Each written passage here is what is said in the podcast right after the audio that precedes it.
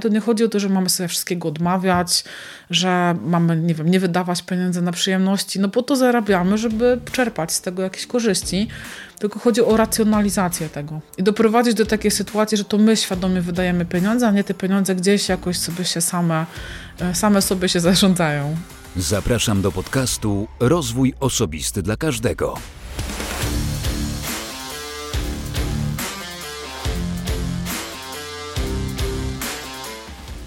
Ja nazywam się Wojtek Struzik, a ty słuchać będziesz właśnie dwusetnego odcinka podcastu Rozwój Osobisty dla Każdego.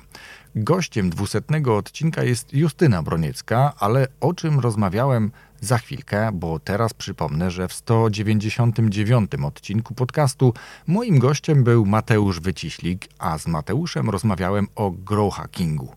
Grow hackingu, czyli specyficznym rodzaju marketingu. Rozmawialiśmy również o tym, jakie działania są efektywne, jakie działania można skalować. No i właśnie między innymi tym zajmuje się Mateusz. Mówiliśmy o obecności w mediach społecznościowych, jak to zrobić, żeby być wszędzie i czy to się opłaca. Były konkretne przykłady, dlatego jeśli jeszcze nie słuchałeś, nie słuchałaś rozmowy z Mateuszem, to ja gorąco Cię do tego namawiam. W tym miejscu również dziękuję patronom. Bardzo dziękuję za wsparcie, dziękuję za motywację, za cykliczne spotkania, podpowiedzi, pytania i wiele różnych innych rzeczy. Bardzo Wam dziękuję. Jeśli i Ty nosisz się z zamiarem wsparcia podcastu Rozwój Osobisty dla Każdego lub bajkowego podcastu, który nagrywam dla dzieci, ale i dla rodziców, wystarczy wejść na stronę patronite.pl łamane przez RODK i wybrać tam dogodny dla siebie próg wsparcia a ja serdecznie za to dziękuję. Justynę poznałem już jakiś czas temu na spotkaniach poznańskiej wtorkowej grupy Toastmasters, klubu Toastmasters. Nasze drogi stykały się w międzyczasie, a i przy okazji tego, co Justyna robi, postanowiłem, że porozmawiamy. Porozmawiamy w kontekście ostatniej książki, której Justyna jest współautorką i pomysłodawczynią. Główne dotychczasowe publikacje, o czym też mówimy, dotyczyły bardziej kwestii przedsiębiorczych, dla przedsiębiorców, ale i inwestycji. A tutaj książka, która myślę jest jak znalazł, e, dopasowana do czasów, które niestety nastały. Książka nosi tytuł Jak zarządzać pieniędzmi w czasach kryzysu i trochę właśnie o pieniądzach rozmawiam z Justyną. O tym, w jaki sposób spowodować, aby mieć, nawet w czasach kryzysu, wolne środki. Dlatego gorąco namawiam do wysłuchania rozmowy z Justyną Broniecką. A i taki jeszcze disclaimer. Dla osób, które uważnie będą słuchały i przesłuchają rozmowę do końca, usłyszycie również, co możecie zrobić, aby egzemplarz takiej książki uzyskać dla siebie na własność. Gorąco zapraszam. E, cześć, nazywam się Justyna Broniecka. Na co dzień prowadzę markę Zustonia Mus. E, to jest marka skierowana do przedsiębiorców, która ma pomagać optymalizować podatki, zarabiać więcej pieniędzy, żyć bezpieczniej. E, tym się zajmuję prawie 15 lat. Krótko i na temat. Dobrze, no to wiemy już, czym się zajmujesz. Do tego będziemy wracać, ale dzisiaj będziemy rozmawiać o właśnie finansach i to głównie osobistych. Do tego będę nawiązywał, bo pojawiła się, my nagrywamy w piątek, a wczoraj miała premierę Twoja książka, czy książka, której jesteś e, jedną z autorek i pomysłodawczynią, tak, tak możemy powiedzieć chyba, tak? Tak, e, zdecydowanie pomysłodawczynią. E, no, książka ma tytuł Jak zarządzać pieniędzmi w czasach kryzysu. E, myślę, że idealna na dzisiejsze czasy. Dokładnie, dlatego będziemy też trochę do tego nawiązywać. Ale zanim to, to ja też takie standardowe pytanie zadaję gościom podcastu. Troszeczkę je zmieniłem w ostatnim czasie. Kiedyś pytałem o to, jak rozumiesz, a teraz bardziej pytam o to, jak wygląda mm, obecnie Twój rozwój osobisty. Co to są za działania, narzędzia, co robisz? Jeżeli chodzi o mój rozwój osobisty, no to cały czas e, szkole się w temacie zarządzania projektami. To jest coś, co cały czas robię i doskonale Głównie ostatnio mocno się fokusuję na zarządzaniu procesami, co też pomaga moim klientom, mi i moim klientom. E, I druga rzecz, która, która ostatnio mocno jest e, na tapecie, to jest edukacja w zakresie marketingu internetowego. I to jest coś, co robię. Natomiast oczywiście nadal bywam od czasu do czasu e, na spotkaniach Toastmasters. To też takie miejsce rozwojowe. Cały czas jestem członkiem organizacji takich dla przedsiębiorców bywam na spotkaniach dla kobiet, więc cały czas gdzieś tam staram się tą przedsiębiorczość w sobie e, cały czas budować i wzmacniać. Ten marketing internetowy to jest coś takiego, co ja też się tego uczę. No jakby mm, doświadczeń sprzedażowych w swoim życiu już trochę miałem, ale one głównie koncentrowały się na takiej tradycyjnej sprzedaży offline'owej. E, a jednak sprzedaż w internecie to coś zupełnie innego.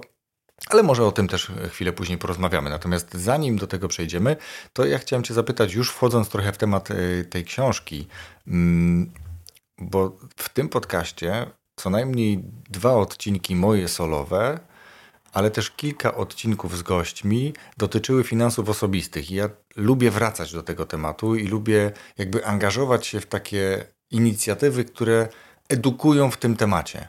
Mm, dlaczego? Ponieważ dopiero w momencie, kiedy zacząłem słuchać podcastów, zdałem sobie sprawę, że ja nie mam pojęcia o swoich finansach, nie prowadzę budżetu domowego, głupio wydaję pieniądze, zaciągam głupie kredyty i dlatego nic nie mam. I dopiero w momencie, kiedy zacząłem słuchać Uzbierałem poduszkę bez, bez, bezpieczeństwa, spłaciłem głupie kredyty i zrobiłem kupie rzeczy, ale o tym będziemy rozmawiać trochę później, więc jakby chcę tylko pokazać, że chętnie i jakby ja chętnie um, zapraszam i opowiadam też o finansach osobistych, o finansach, o edukacji, o rozwoju osobistym, więc jak tylko pojawiła się Twoja książka na horyzoncie, no to też jakby bez namysłu tak naprawdę zgodziłem się po to, żeby ją gdzieś próbować wspierać jej promocję. No i dlatego między innymi my rozmawiamy, ale jak sobie przeglądałem twoją aktywność w sieci i to, co już do tej pory stworzyłaś, to twoje książki do tej pory koncentrowały się raczej na właśnie przedsiębiorczości, o której mówiłaś, i inwestycjach. A tu nagle mamy taką książkę, która można by powiedzieć powinna być jako pierwsza, no bo to jest takie ABC, bo to są takie y, podstawy dla Nowaka Kowalskiego. Skąd pomysł na taką książkę teraz? Pomysł e, był z, jakby z dwóch stron. Pierwszy jest taki, że od bardzo dawna słyszę od swoich klientów, że oni średnio ogarniają budżet firmowy, ale to wynika z tego, że absolutnie nie ogarniają budżetu prywatnego. Większość przedsiębiorców miesza pieniądze prywatne, firmowe, nie umieją tego oddzielić, e, nie, nie, nie odkładają niczego na przyszłość. E, to był jakby taki... Mm, o taki trigger, że może coś w tym kierunku trzeba zrobić. Natomiast to, co tak mnie bardzo mocno popchnęło do działania, to na początku roku ciągłe takie straszenie z każdej możliwej strony. Tutaj tego nie tego będzie, tam inflacja. Te, tak, 2022 tego roku. E, wszędzie po prostu taki, taki straszny terror e, psychiczny na ludziach. Widzę też po, po klientach, widzę po spotkaniach, rozmowa, rozmowach z ludźmi, że oni po prostu się boją. Jakby to wynika z tego, że nie mają pojęcia czego się spodziewać, że ty można jakoś mimo wszystko zarządzać, że pieniądze są po prostu jednym z części naszego życia, które można planować i układać.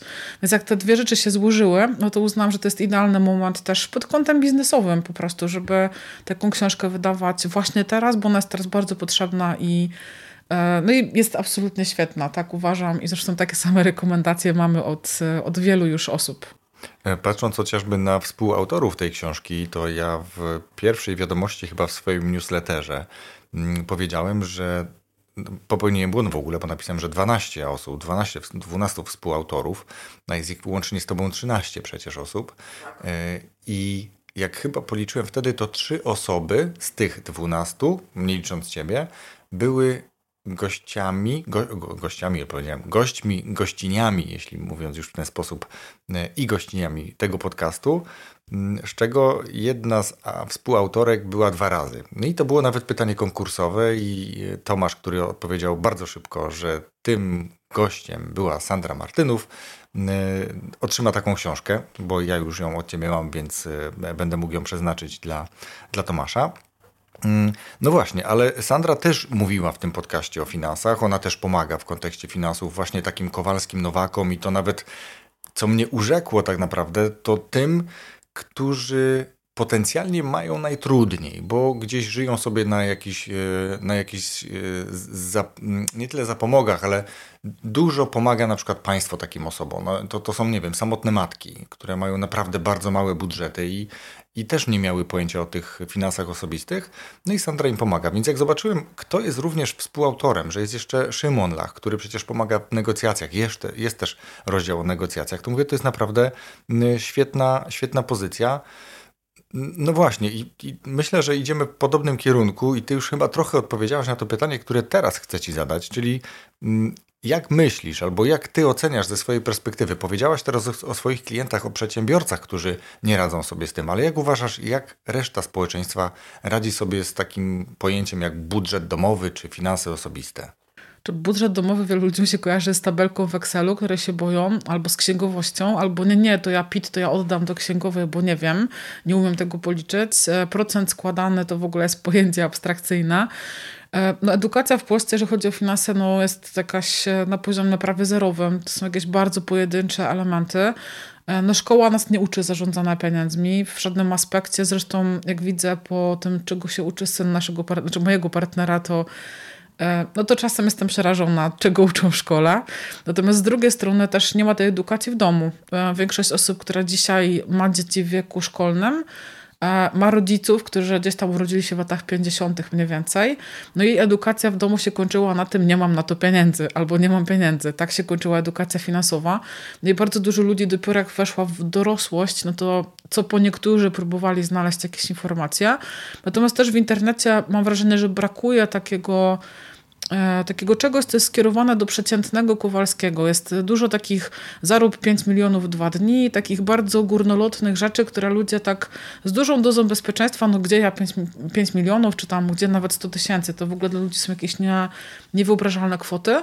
E, na szczęście takich ludzi, którzy kierują swoją edukację do przeciętnego Kowalskiego jest coraz więcej, właśnie między innymi Sandra, ale też w tej, w tej książce mamy Kasię Ciupa, która edukuje mm, starszą młodzież głównie, tak, czyli takich studentów, osoby, które dopiero co wchodzą na rynek pracy, e, więc coraz więcej jest takich osób i to mnie bardzo cieszy, że przeciętni ludzie mogą zacząć myśleć o swoim budżecie normalnie, także to nie jest nic strasznego. Tak naprawdę nie jest potrzebny Excel, wystarczy kartka papieru i jak ktoś nie ogarnia e, liczenia w słupkach, to można wziąć kalkulator, każdy ma w telefonie i nic więcej nie jest nam potrzebne do tego, żeby zapanować nad swoimi pieniędzmi. O tym, jak zapanować, to za chwilkę sobie też porozmawiamy. Ja dołączę e, się do tego, co mówiłaś, bo też mam dwójkę prawie dorosłych dzieci w domu i um, nie wiem, na ile ja potrafię ich teraz tego nauczyć, bo to można było, a wręcz należy zacząć znacznie wcześniej, jeśli chodzi o edukację dzieci. Nasz system edukacji, nasze szkolnictwo faktycznie zupełnie nie jest przygotowane do tego. No i później, e, jak faktycznie ktoś widzi taki tytuł, zarób albo zainwestuj, jak zainwestować, jak, jak zdobyć, albo jak zarobiłem pierwszy milion, to, to my tak z przymrużeniem oka na to patrzymy. A dopiero w momencie, kiedy popatrzysz w perspektywie e, jakiegoś okresu czasu, to się okazuje, że te pieniądze, które ludzie zarabiają, nie są takimi małymi, pieniędzmi, a to, e, co ci w tych clickbaitowych tytułach autorzy piszą, to często też jest nie okres miesiąca czy roku, tylko właśnie okres kilku lat niejednokrotnie, ale tytuł robi robotę i potencjalnie może wpłynąć, czy wpływa na to, że książka będzie się, będzie się sprzedawała lepiej.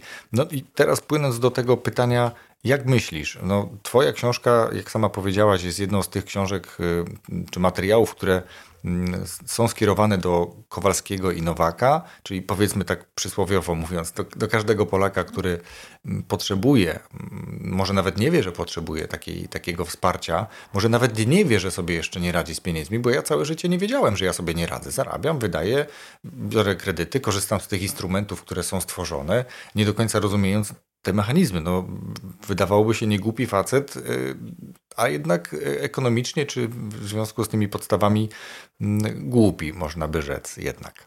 E, I teraz możemy powiedzieć, że są podstawy, że, że jest jakiś, no, no, mówiłaś o tabelkach, mówiłaś o kartce papieru, ale co konkretnie można zrobić, gdybyśmy powiedzieli usiąść od teraz, no bo nie od jutra i nie od poniedziałku, tylko usiąść teraz i, i co takiego może ten Nowak i ten Kowalski zrobić, żeby zapanować nad tymi swoimi finansami, żeby wiedział, co się w ogóle z nimi dzieje? No pierwsze, co trzeba zrobić, to trzeba wiedzieć, jak jest dzisiaj. Tak? Tutaj bardzo mocno zaznaczam, nie chodzi o wypominanie sobie, o biczowanie, o matku, ile tutaj pieniędzy wydaje, to kompletnie nie o to chodzi. Tylko żeby wprowadzać zmiany, to musimy wiedzieć, do czego chcemy wprowadzić zmianę. Więc zaczynamy od tego, jak jest dzisiaj, czyli bierzemy sobie kartkę papieru, Excel, jakąkolwiek aplikację, bo jest ich naprawdę mnóstwo, więc każdy sobie może znaleźć coś dla siebie. Ja jestem fanem Excela, ale to, to ja, tak? Natomiast wiem, że są osoby, które mają po prostu zeszyte i sobie notują. Bierzemy informacje, ile mam przychodów i tutaj jak ktoś pracuje na tacie, to jest mega łatwe, tak? No bo ta wypłata jest mniej więcej równa w Wystarczy każdym miesiącu. sprawdzić ostatni przelew. tak, dokładnie tak. Gorzej mają przedsiębiorcy, bo oni rzeczywiście mają trudności w tym, żeby sobie pieniądze wypłacać z firmy, a pomimo tego, że jeszcze też mieszają te budżety. Natomiast to, czego namawiam, to to, że wyobraźcie sobie taką sytuację, że musicie w swoje miejsce kogoś zatrudnić, to wypłacajcie sobie pieniądze w takiej kwocie, jaką zapłacilibyście każdemu innemu pracownikowi. To jest wasza wypłata z waszej firmy i ona musi po prostu pójść. Jakby byście dali pracownikowi wypłatę, no to by się zwolnił, tak? Poszedł jeszcze do jakiejś instytucji e, donieść na, na, na przedsiębiorcę po prostu, że tak się dzieje.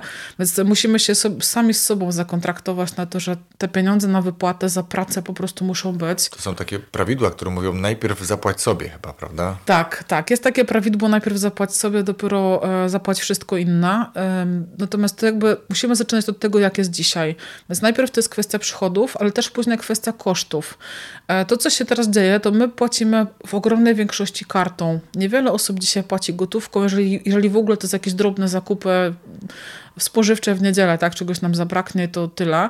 Natomiast większość zakupów płacimy kartą, więc wystarczy wziąć wyciąg bankowy i zweryfikować, na co ja w ostatnim miesiącu wydawałam, wydawałem pieniądze.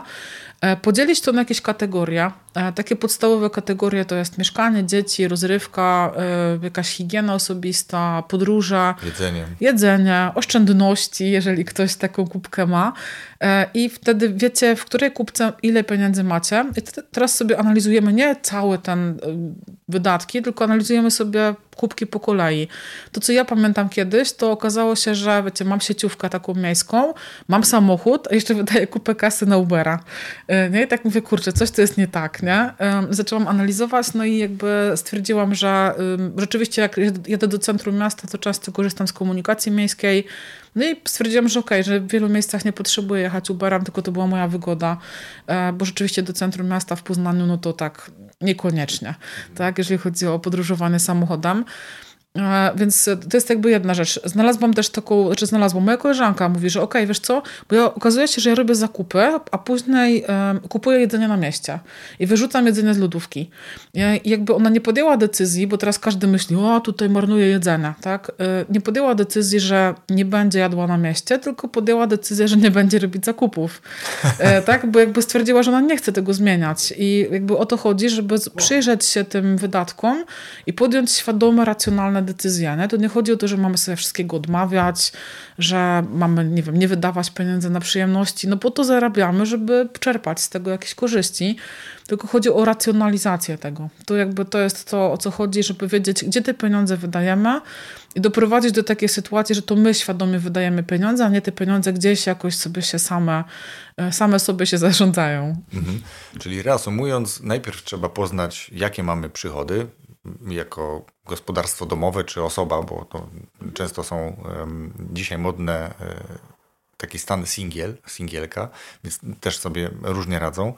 Mm, później zorientować się, na co te pieniądze wydaje po prostu, tak? Czyli podzielić sobie jakieś składniki, jak powiedziałaś, opłaty, jedzenie, cokolwiek innego tam się uzbiera.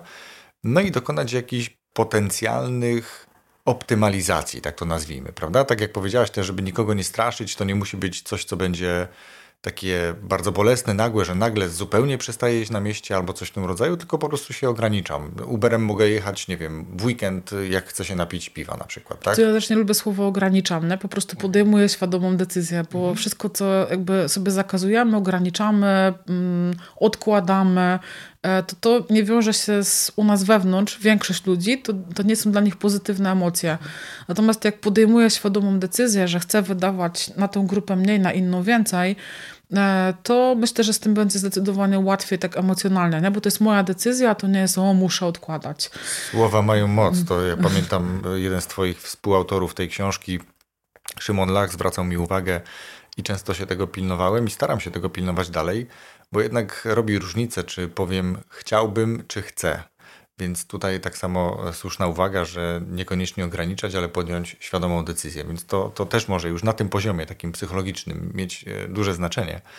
No dobra, mamy taką podstawę. Wiem, ile zarabiam, wiem, na co wydaję, wiem potencjalnie, z której kubki mogę świadomie decydować, że będę wydawał mniej. E, I albo mi zostanie, zakładam, że wynik jest pozytywny i mam nadwyżkę w tym budżecie domowym, e, albo dalej się coś nie spina, bo nabrałem, nabrałam tyle tych kredytów, bo to tak często było i myślę, że teraz też będzie jeszcze niestety, że ludzie e, trochę w panice będą tak reagowali, żeby pokryć jakieś zobowiązania, które teraz się pojawiły. Wyższe koszty, jeśli chodzi o kwestie rat hipotecznych, wyższe koszty, jeśli chodzi o kwestie energii elektrycznej, ciepła i tak dalej, więc mogą się znowu takie tendencje pojawić. No i ten budżet nagle się okaże, że on się nie spina. Co wtedy? Czy wiecie, no macie dwie opcje, tak? Albo zarabiać więcej, albo wydawać mniej. E, nie ma jakby innych możliwości, albo można te opcje połączyć. I teraz oczywiście można szukać pomocy w jakichś kredytach zewnętrznych i pewnie część osób się na to zdecyduje. I są takie sytuacje w życiu, że pewnie nie ma innego wyboru i, i tyle. To jest po prostu znowu świadoma decyzja. Natomiast pamiętajmy, że kredyty trzeba jednak spłacać. I też e, banki czy jakiekolwiek inne instytucje mają dosyć prostą drogę do tego, żeby nam zablokować konto czy zdjąć te pieniądze przez komornika. E, więc nie wiem, co jest lepsze, czy jednak zastanowienie się, jak mogę wydawać mniej, czy później wziąć kredyt, na chwilę macie spokój, a później bujacie się z komornikiem, bo to często się tak kończy niestety, albo wyprzedajemy jakieś majątki domowe, jakieś biżuterie, jakieś obrazy, jakiś sprzęt, bo później to nawet za parę groszy ludzie wy, wyprzedają pół domu, żeby tylko nie mieć problemów finansowych. E, druga opcja to jest po prostu więcej zarabiać. I teraz można oczywiście mówić, no dobra, ale ja pracuję na etacie i co ja mam zrobić? E, prosta, prosta rzecz. E, albo po prostu prosicie o podwyżkę najnormalniej w świecie. Uda się, to się uda, nie to nie. Oczywiście z racjonalnymi powodami. Natomiast można też pójść do swojego szefa, szefowej i zapytać, co możecie zrobić, żeby móc zarobić więcej najnormalniej w świecie. I e, z mojego doświadczenia często jest jakaś propozycja. To są nadgodziny, czasami dodatkowa praca, czasami pół dodatkowego etatu i nie mówię, że to macie robić forever, bo to też chodzi o to, żeby jednak kiedyś odpoczywać. Natomiast jakby ten czas przejściowy do momentu spłatek i zobowiązań po prostu potrzebujecie więcej zarabiać. E, I, I tak można sobie z tym poradzić, ale coraz więcej ludzi chętnie przyjmuje dodatkowe zajęcia. Znam osoby, które od piątku do poniedziałku, przepraszam, od, od poniedziałku do piątku pracują normalnie na etacie, a w sobotę i w niedzielę e, idą na 6 godzin do, do McDonalda i sobie dorabiają. Właśnie dlatego, że nabrali mnóstwo różnych kredytów na telefony, pralki, meble, podróże i inne rzeczy, i teraz okazuje się, że przy rosnących cenach nie mają z czego tego spłacić. I postanowili, że tam że te, te, całe te pieniądze z tych weekendów idą na spłatę kredytów, i to potrwa mniej więcej 7 miesięcy. Nie będą mieli kredytów, no i wtedy jakby będą mogli wrócić do normalnego życia, więc um, jakby trzeba no, cały czas podejmować racjonalne decyzje, a żeby móc to robić, musisz wiedzieć, jaki masz stan e, przychodów i kosztów. Mhm. I ja czytałem całkiem ciekawą książkę, ale tutaj chcę nawiązać do czegoś innego, że oprócz tego, że można poprosić kogoś o wynagrodzenie większe, szefa, co mogę zrobić? To jest dobre pytanie, tak? Czyli co mogę zrobić, żeby zarabiać więcej? Czyli to nie jest takie roszczeniowe, że chcę zarabiać więcej, tylko ja jestem w stanie coś więcej od ciebie dołożyć, bo chcę, mam potrzebę zarabiać więcej. Tak jak powiedziałaś, też ludzie podejmują różne działania, ale nagle się okazuje, że często też się tak zdarza, że nagle osoba odkrywa w sobie jakiś talent albo uruchamia coś, co dawno było w sferze takiego planu, pomysłu, marzenia, że ja potrafię, lubię, zawsze chciałam, dziergałam obrusy albo coś robiłam manualnie, robiłam, robiłem, tak, no bo ktoś może, mój tato na przykład genialnie robi w drewnie, tak to skrótowo nazwę, tak, czyli potrafi zrobić piękny stolik, potrafi zrobić super półkę.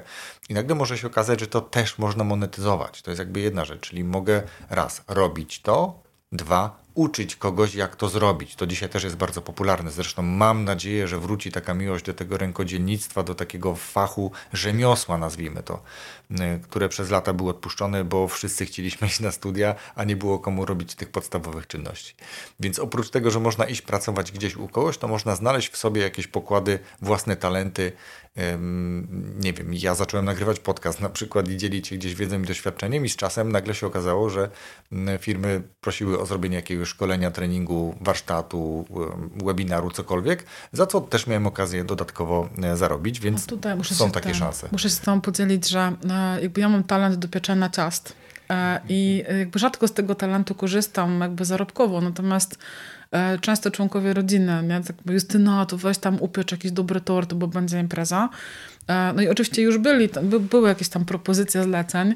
Ja nie mam na to czasu dzisiaj, jakby nie chcę na to przeznaczać czasu, natomiast mam tak z tyłu głowy, że jakby się pojawiła taka konieczność, to jakby mogę na tym, e, na tym rzeczywiście zarabiać pieniądze. I to całkiem dobre, jak się okazuje. E, więc czasami też takie rzeczy. Są świetni ludzie, którzy robią zdjęcia. Ostatnio scratch, scratch notki są bardzo mm -hmm, popularne. Coraz więcej jest ludzi, którzy się w tym specjalizują, bo mają talenty jakieś malarsko-plastyczne. E, jest coraz więcej osób, które robią jakieś mandale, e, właśnie takie dziergane różne, jakieś e, łapacze snów i tego typu rzeczy. mandale. Mhm. Więc jest coraz więcej takich miejsc, coraz więcej w ogóle tego jest w internecie i coraz więcej ludzie kupują tego typu przedmioty, więc myślę, że się da. Myślę, że zawód krawcowy też jest, krawca krawcowy, też mocno damski jednak nadal, też jest takie trochę zapomniane, a coraz więcej tych ludzi potrzeba, bo coraz więcej osób przerabia ubrana, zresztą ja się śmieję ze swojej szafy, bo ja na przykład marnotrawię pieniądze na sukienki i to jest jakby moja świadoma decyzja, e, więc wiem, że tak jest. E, natomiast biorąc pod uwagę, ile ich mam, to umówmy się, nie potrzebuję kolejnych. E, wiesz co, dobrze, że powiedziałaś o tym wszystkim, bo faktycznie teraz w tych czasach jest bardzo dużo możliwości dodatkowego zarabiania pieniędzy. Tylko trzeba się odważyć. Tak bym to chyba skwitował, bo tu naprawdę nie trzeba być alfą i omegą. Jak czasami patrzę na rzeczy, które wystawiane są na to się nazywa jakaś tak, jakiś odłam Amazona, gdzie wystarczy, że się wrzuca swoją twórczość, którą się zrobiło, gdzieś jakiś materiał, checklista, prosty PDF, planer, cokolwiek takiego i później przez ten Amazon coś tam się to sprzedaje i oni nawet chyba potrafią to drukować i wysyłają w różnych okładkach. Nie zgłębiałem tego tematu, ale to pokazuje jak, jak dużo dzisiaj mamy możliwości, znacznie więcej tak naprawdę niż jeszcze kilkanaście czy kilkadziesiąt lat temu mieli nasi rodzice czy dziadkowie. A teraz gdybyśmy chcieli tak naprawdę podsumować, bo mówimy dużo o tym, że trzeba znać swoje przychody, znać swoje koszty i umieć je rozpoznać jakiego rodzaju one są, z jakiej kategorii pochodzą, co można mm, świadomą decyzją mm, odpowiednio przekierować, e, ewentualnie zainwestować. Ale gdybyśmy mieli teraz zebrać to w takie, nie wiem, trzy, może maksymalnie pięć punktów, e, żeby powiedzieć, zrób to, to i to, i to poprawi Twoje finanse w znacznym stopniu, to co by to było? Na czym ci ludzie powinni się teraz koncentrować? Trochę się tam uśmiecham do siebie, bo ja wyznaję krok pierwszy. E, nie ma kroku drugiego, rób to. po prostu rób to. Natomiast oczywiście odnosząc się do tego, co mówisz, to e, poznać swoje finanse to jest krok pierwszy. Drugi krok podjąć świadome decyzje. Trzeci krok konsekwentnie to realizować. Po prostu tu nie ma nic, tu nie ma żadnej magii, nie? To jest po prostu coś, co wymaga konsekwencji. Natomiast tutaj bardzo się wesprę tym, co ostatnio, znaczy to zawsze we mnie było, ale ostatnio bardzo mocno podkreślił to Jarek Ujewski, e, który ma fundację Dobra Porażka, wiem, że się znacie, e, który jakby bardzo mocno propaguje takie nastawienie uczenia się na swoich błędach, a nie samobiczowania się taką polską E, trochę przywarę, e, którą, którą mamy, lubimy sobie tam się pobeblać w przeszłości i, i pomyśleć, o jacy jesteśmy biedni. E, to o to chodzi. Natomiast on jakby bardzo mocno pokazuje to, ok, jeżeli robisz błąd, dobra, każdemu się zdarza, zastanów się, co się stało, popraw, nie rób tego błędu w przyszłości najnormalniej w świecie.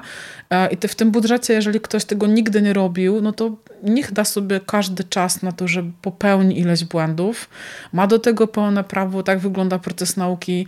E, przypomnijcie sobie, jak uczyliście się chodzić, jeść łyżką, e, czy widelcem, jak e, jeździliśmy na rowerze, tak, na początku wiele z nas z jakimiś kółkami bocznymi, że to nie był proces, że jak się wsiadało na rower i się jechało, nie? To niewiele osób tak ma. Chyba, że ktoś akurat odnajdzie talent do, do cyferek, do, do, do takich procesów, ale takich osób jest no, jakaś tam garstka. E, więc dajcie sobie czas po prostu. E, analizujcie, poprawiajcie, analizujcie, poprawiajcie. I to po prostu trzeba robić. Ja się śmieję właśnie dlatego, że u mnie w życiu jest zawsze krok pierwszy. Rób to.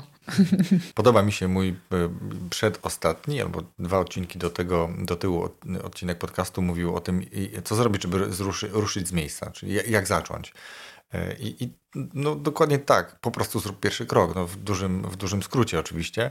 Natomiast y, podoba mi się ten twój tryptyk, podoba mi się to, jak, jak te trzy rzeczy, nie sądząc do detalu, ale właśnie trzymając i ten trzeci punkt, czyli jakby rób to, utrzymuj, konsekwentnie to, to poprawiaj.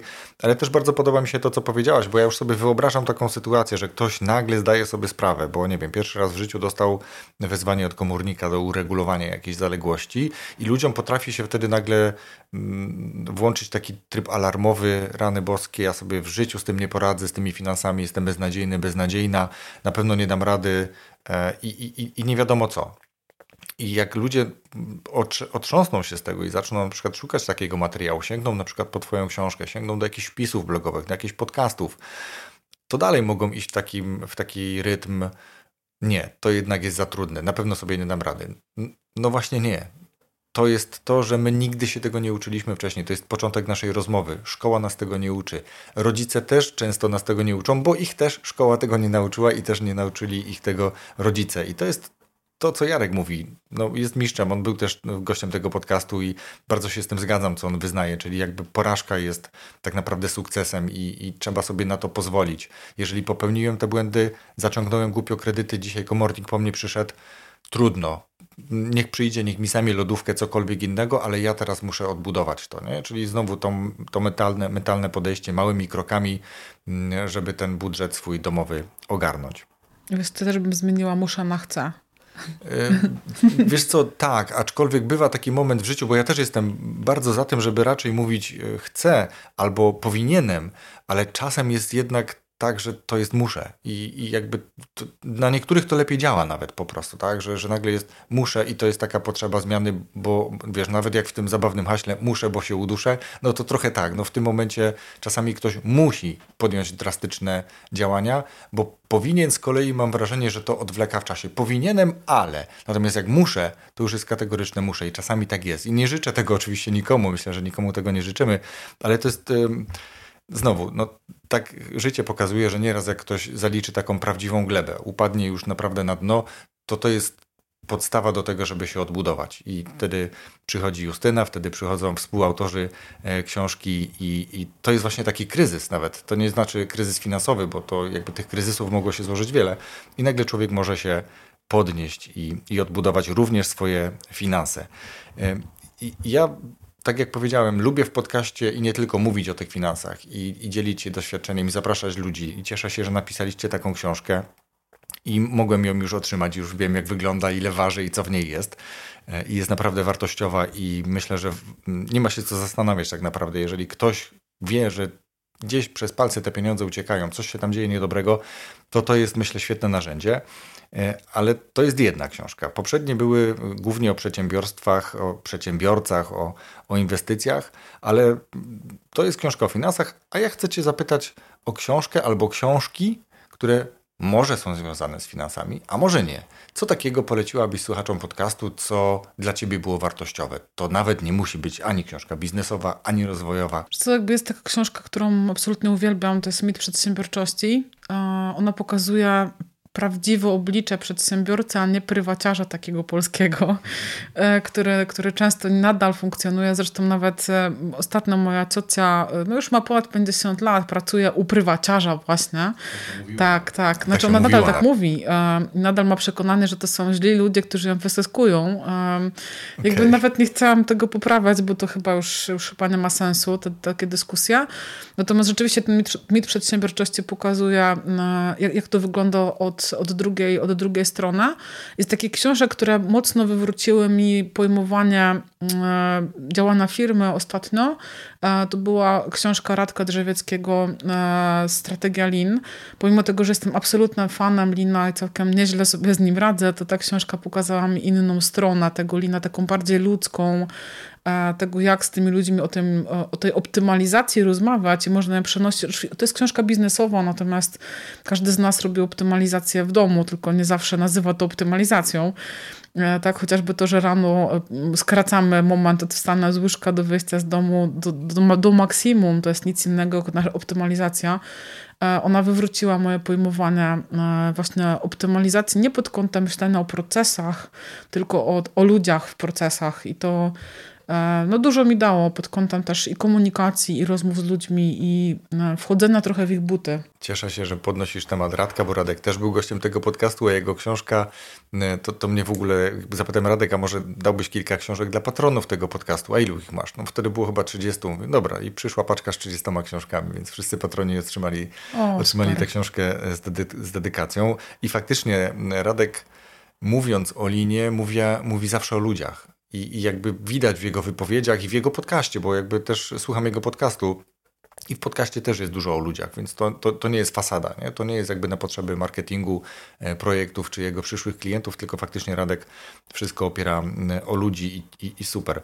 I wiesz co, tą, zastanawiam się, czy ja ten mit przedsiębiorczości czytałem, bo tych książek z tytułem mit czegoś kilka miałem już e, w swoim repertuarze, to musiałbym od, odświeżyć. Natomiast zgodzę się z tym, o czym zakładam, że ta książka też trochę jest z tego, co o niej powiedziałaś, bo e, moi rodzice mieli okazję, ja zresztą też, prowadzić jakieś firmy, biznesy, cokolwiek to, to się nazywa. Moi rodzice prowadzili sklep wielobranżowy.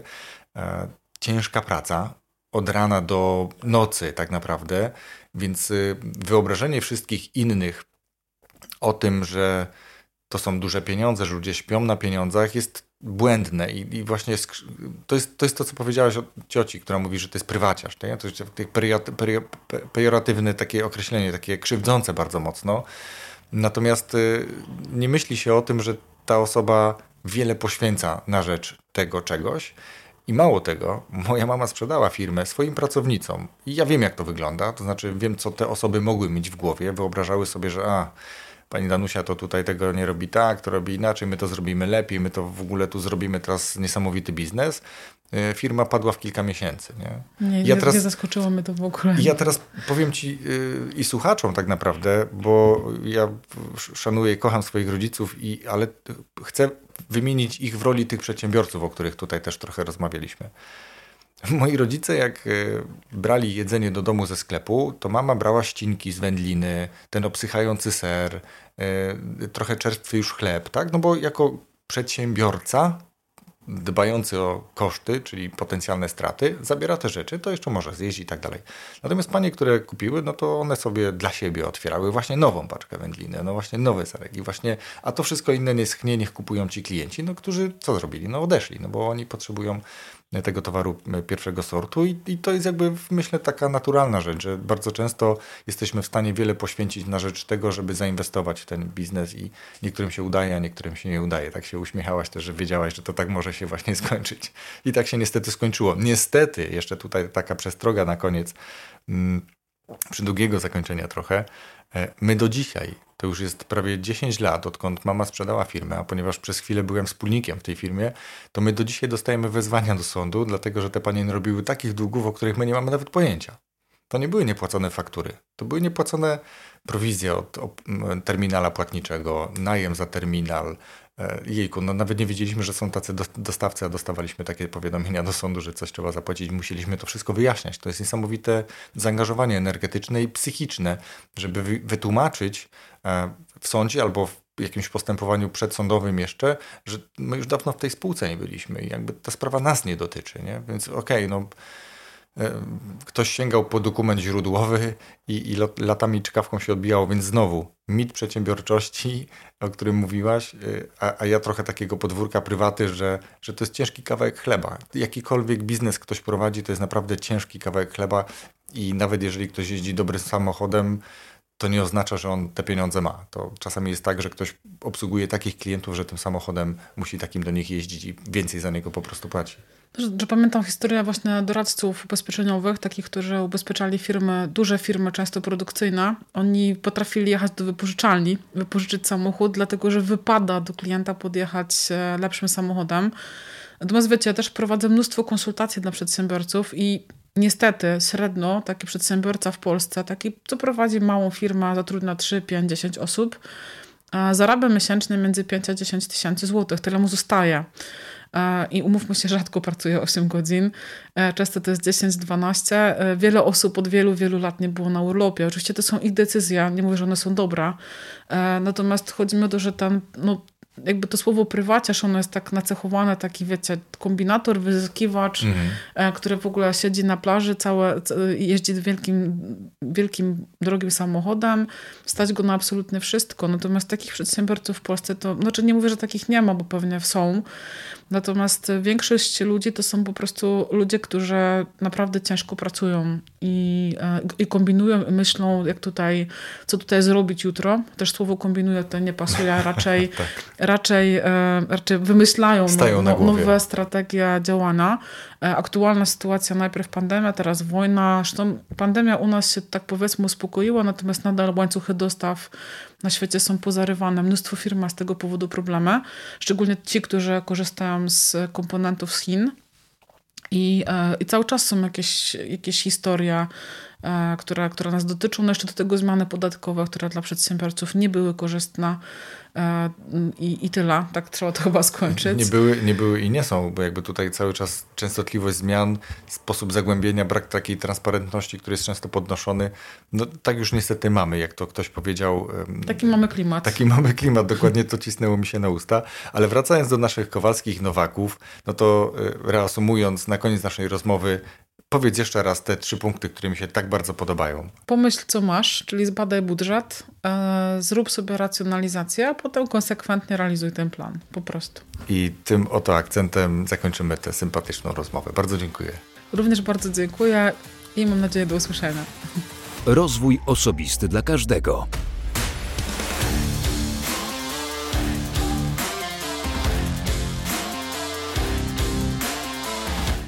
Dziękuję, że wysłuchałeś, wysłuchałaś tej rozmowy do końca.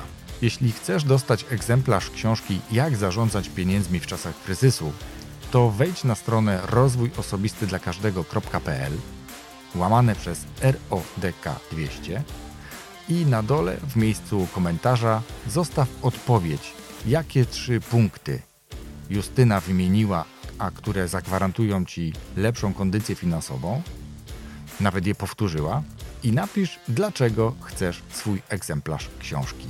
A ja wybiorę najciekawszą odpowiedź i do zwycięzcy wyślę właśnie taki egzemplarz.